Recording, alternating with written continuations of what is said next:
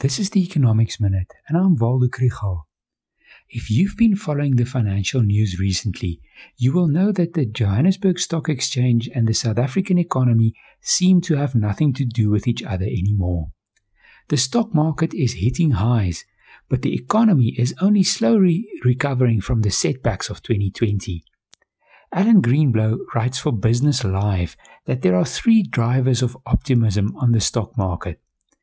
The first is the stimulus packages that have pushed a large amount of new money into economies around the world.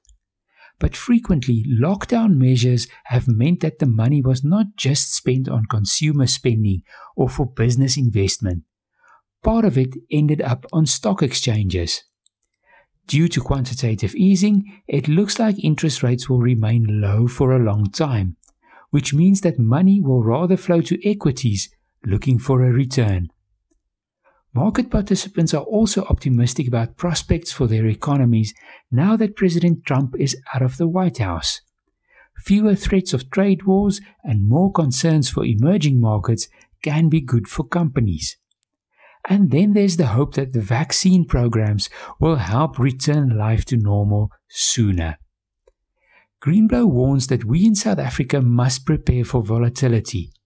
As I also say, the economy is facing major challenges and difficult decisions about reforms will have to be made soon.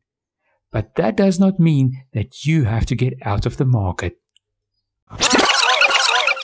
If you want to learn more about the economy, follow the Econ 101 page on Facebook.